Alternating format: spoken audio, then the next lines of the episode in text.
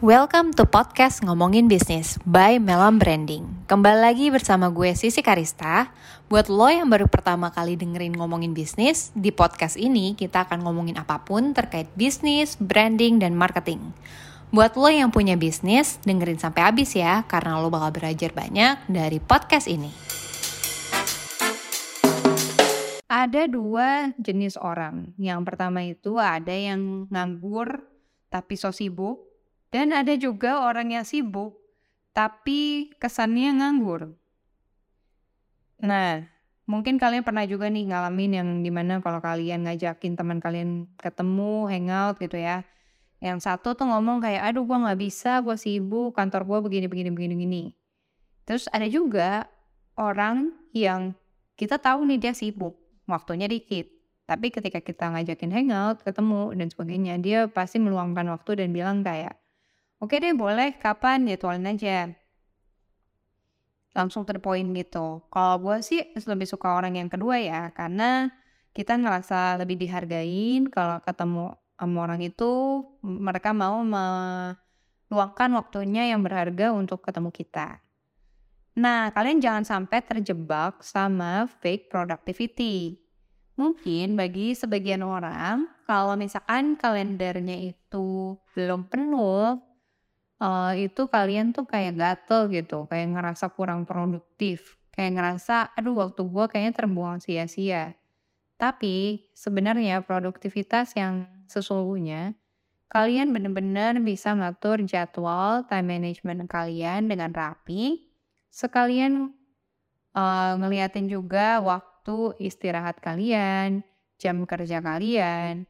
Dan juga ketika meeting bukan sesuatu yang dipaksakan atau uh, mentah-mentah ini dia masuknya urgent, kita jadi okein aja gitu, yes man banget. Nah itu adalah fake productivity. Gue juga pernah terjebak di hal seperti itu. Gue uh, dulu tuh nyangka kalau misalkan kalender gue belum uh, full semua, gue mikirnya kayak, aduh sayang banget ya, gue nggak spend berapa jam ini terbuang sia-sia, padahal gue bisa mungkin meeting atau uh, take video atau apa pun itu. Jadi gue nggak membiarkan uh, jadwal gue kosong di tengah-tengah hari. Tapi uh, akhirnya lama-lama gue juga burn out akhirnya gue ngerasa gue nggak punya waktu untuk istirahat, gue nggak punya waktu untuk enjoy uh, kehidupan gue, di mana uh, gue tahu benar kalau kebahagiaan itu nggak cuman dari pekerjaan, nggak cuman dari uang, tapi juga kebahagiaan itu dari kesehatan, waktu, enjoy, dan juga untuk keluarga gitu. Nah dari sini gue belajar juga untuk membatasi uh, jumlah meeting per harinya. Kalau dulu gue itu oke-oke aja dengan meeting uh, 5 lebih uh, meeting gitu ya. ya. Anggaplah satu meetingnya itu satu jam.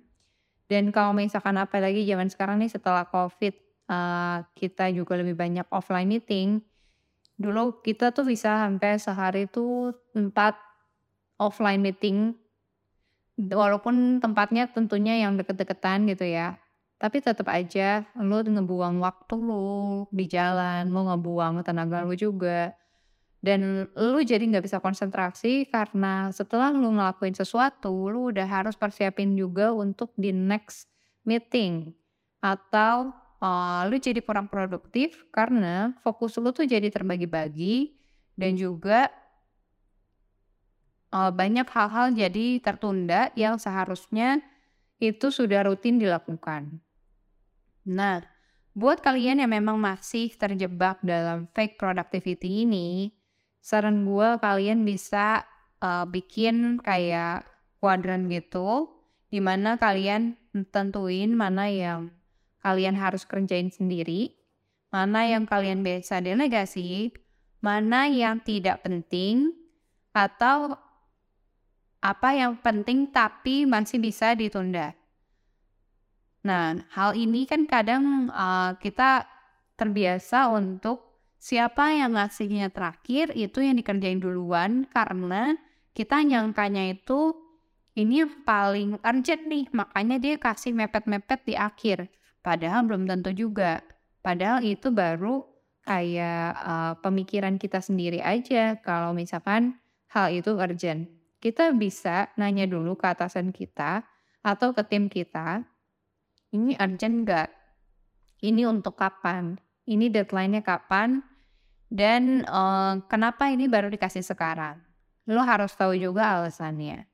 Kalau lu nggak tahu alasan yang jelas kenapa ini baru dikasih sekarang, atau mungkin kayak tim lu yang kelamaan ngoper ke nya, lu bisa loh bilang kayak next time ini jangan buru-buru gue kayak gini ya, apalagi untuk hal-hal yang benar-benar maksudnya ini bisa besok-besok lagi kok, ini nggak urgent. Kalau mau jadwalin aja. Apalagi zaman sekarang kalian udah bisa menggunakan Slack, Notion, atau Trello di mana kalian tuh bisa ngatur jadwal semuanya di situ. Jangan by lisan aja untuk kasih brief ke tim kalian.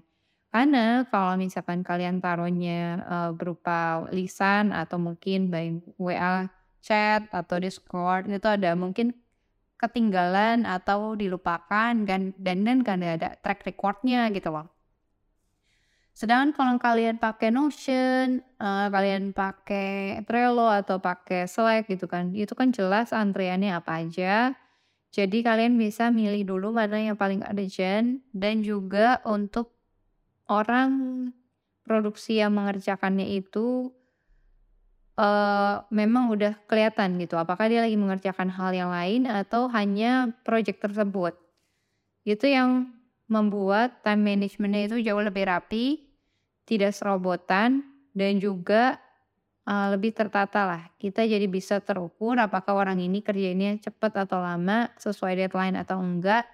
Dan apalagi kalau uh, perusahaan kalian yang uh, menilainya itu bukan jam operasional, mungkin lebih ke arah uh, result driven gitu ya. Misalnya kayak uh, agency deh contohnya. Agency itu kebanyakan kalau kalian udah selesai, apakah kalian pulang jam 4 atau jam 5 juga oke. Okay.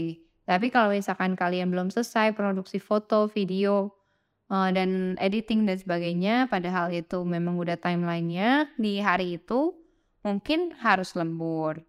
Nah, hal-hal seperti itu bisa dihindari apabila kalian punya time management dan task management yang bagus dan rapi. Buat teman-teman yang mungkin ngerasa kayak, uh, aduh tim gue tapi nggak ngebantu gue sama sekali nih dari productivity-nya.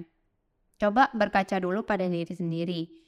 Kemungkinan besar kalian mengerjakan uh, pekerjaan tim kalian yang lain yang bukan job desk utama kalian. Dan kalian misalnya ngerasa kayak, aduh, gue nggak terbantu sama sekali nih sama tim gue karena lama gini gini gini. gini. Nah kalian tanya dulu aja kenapa mereka lama.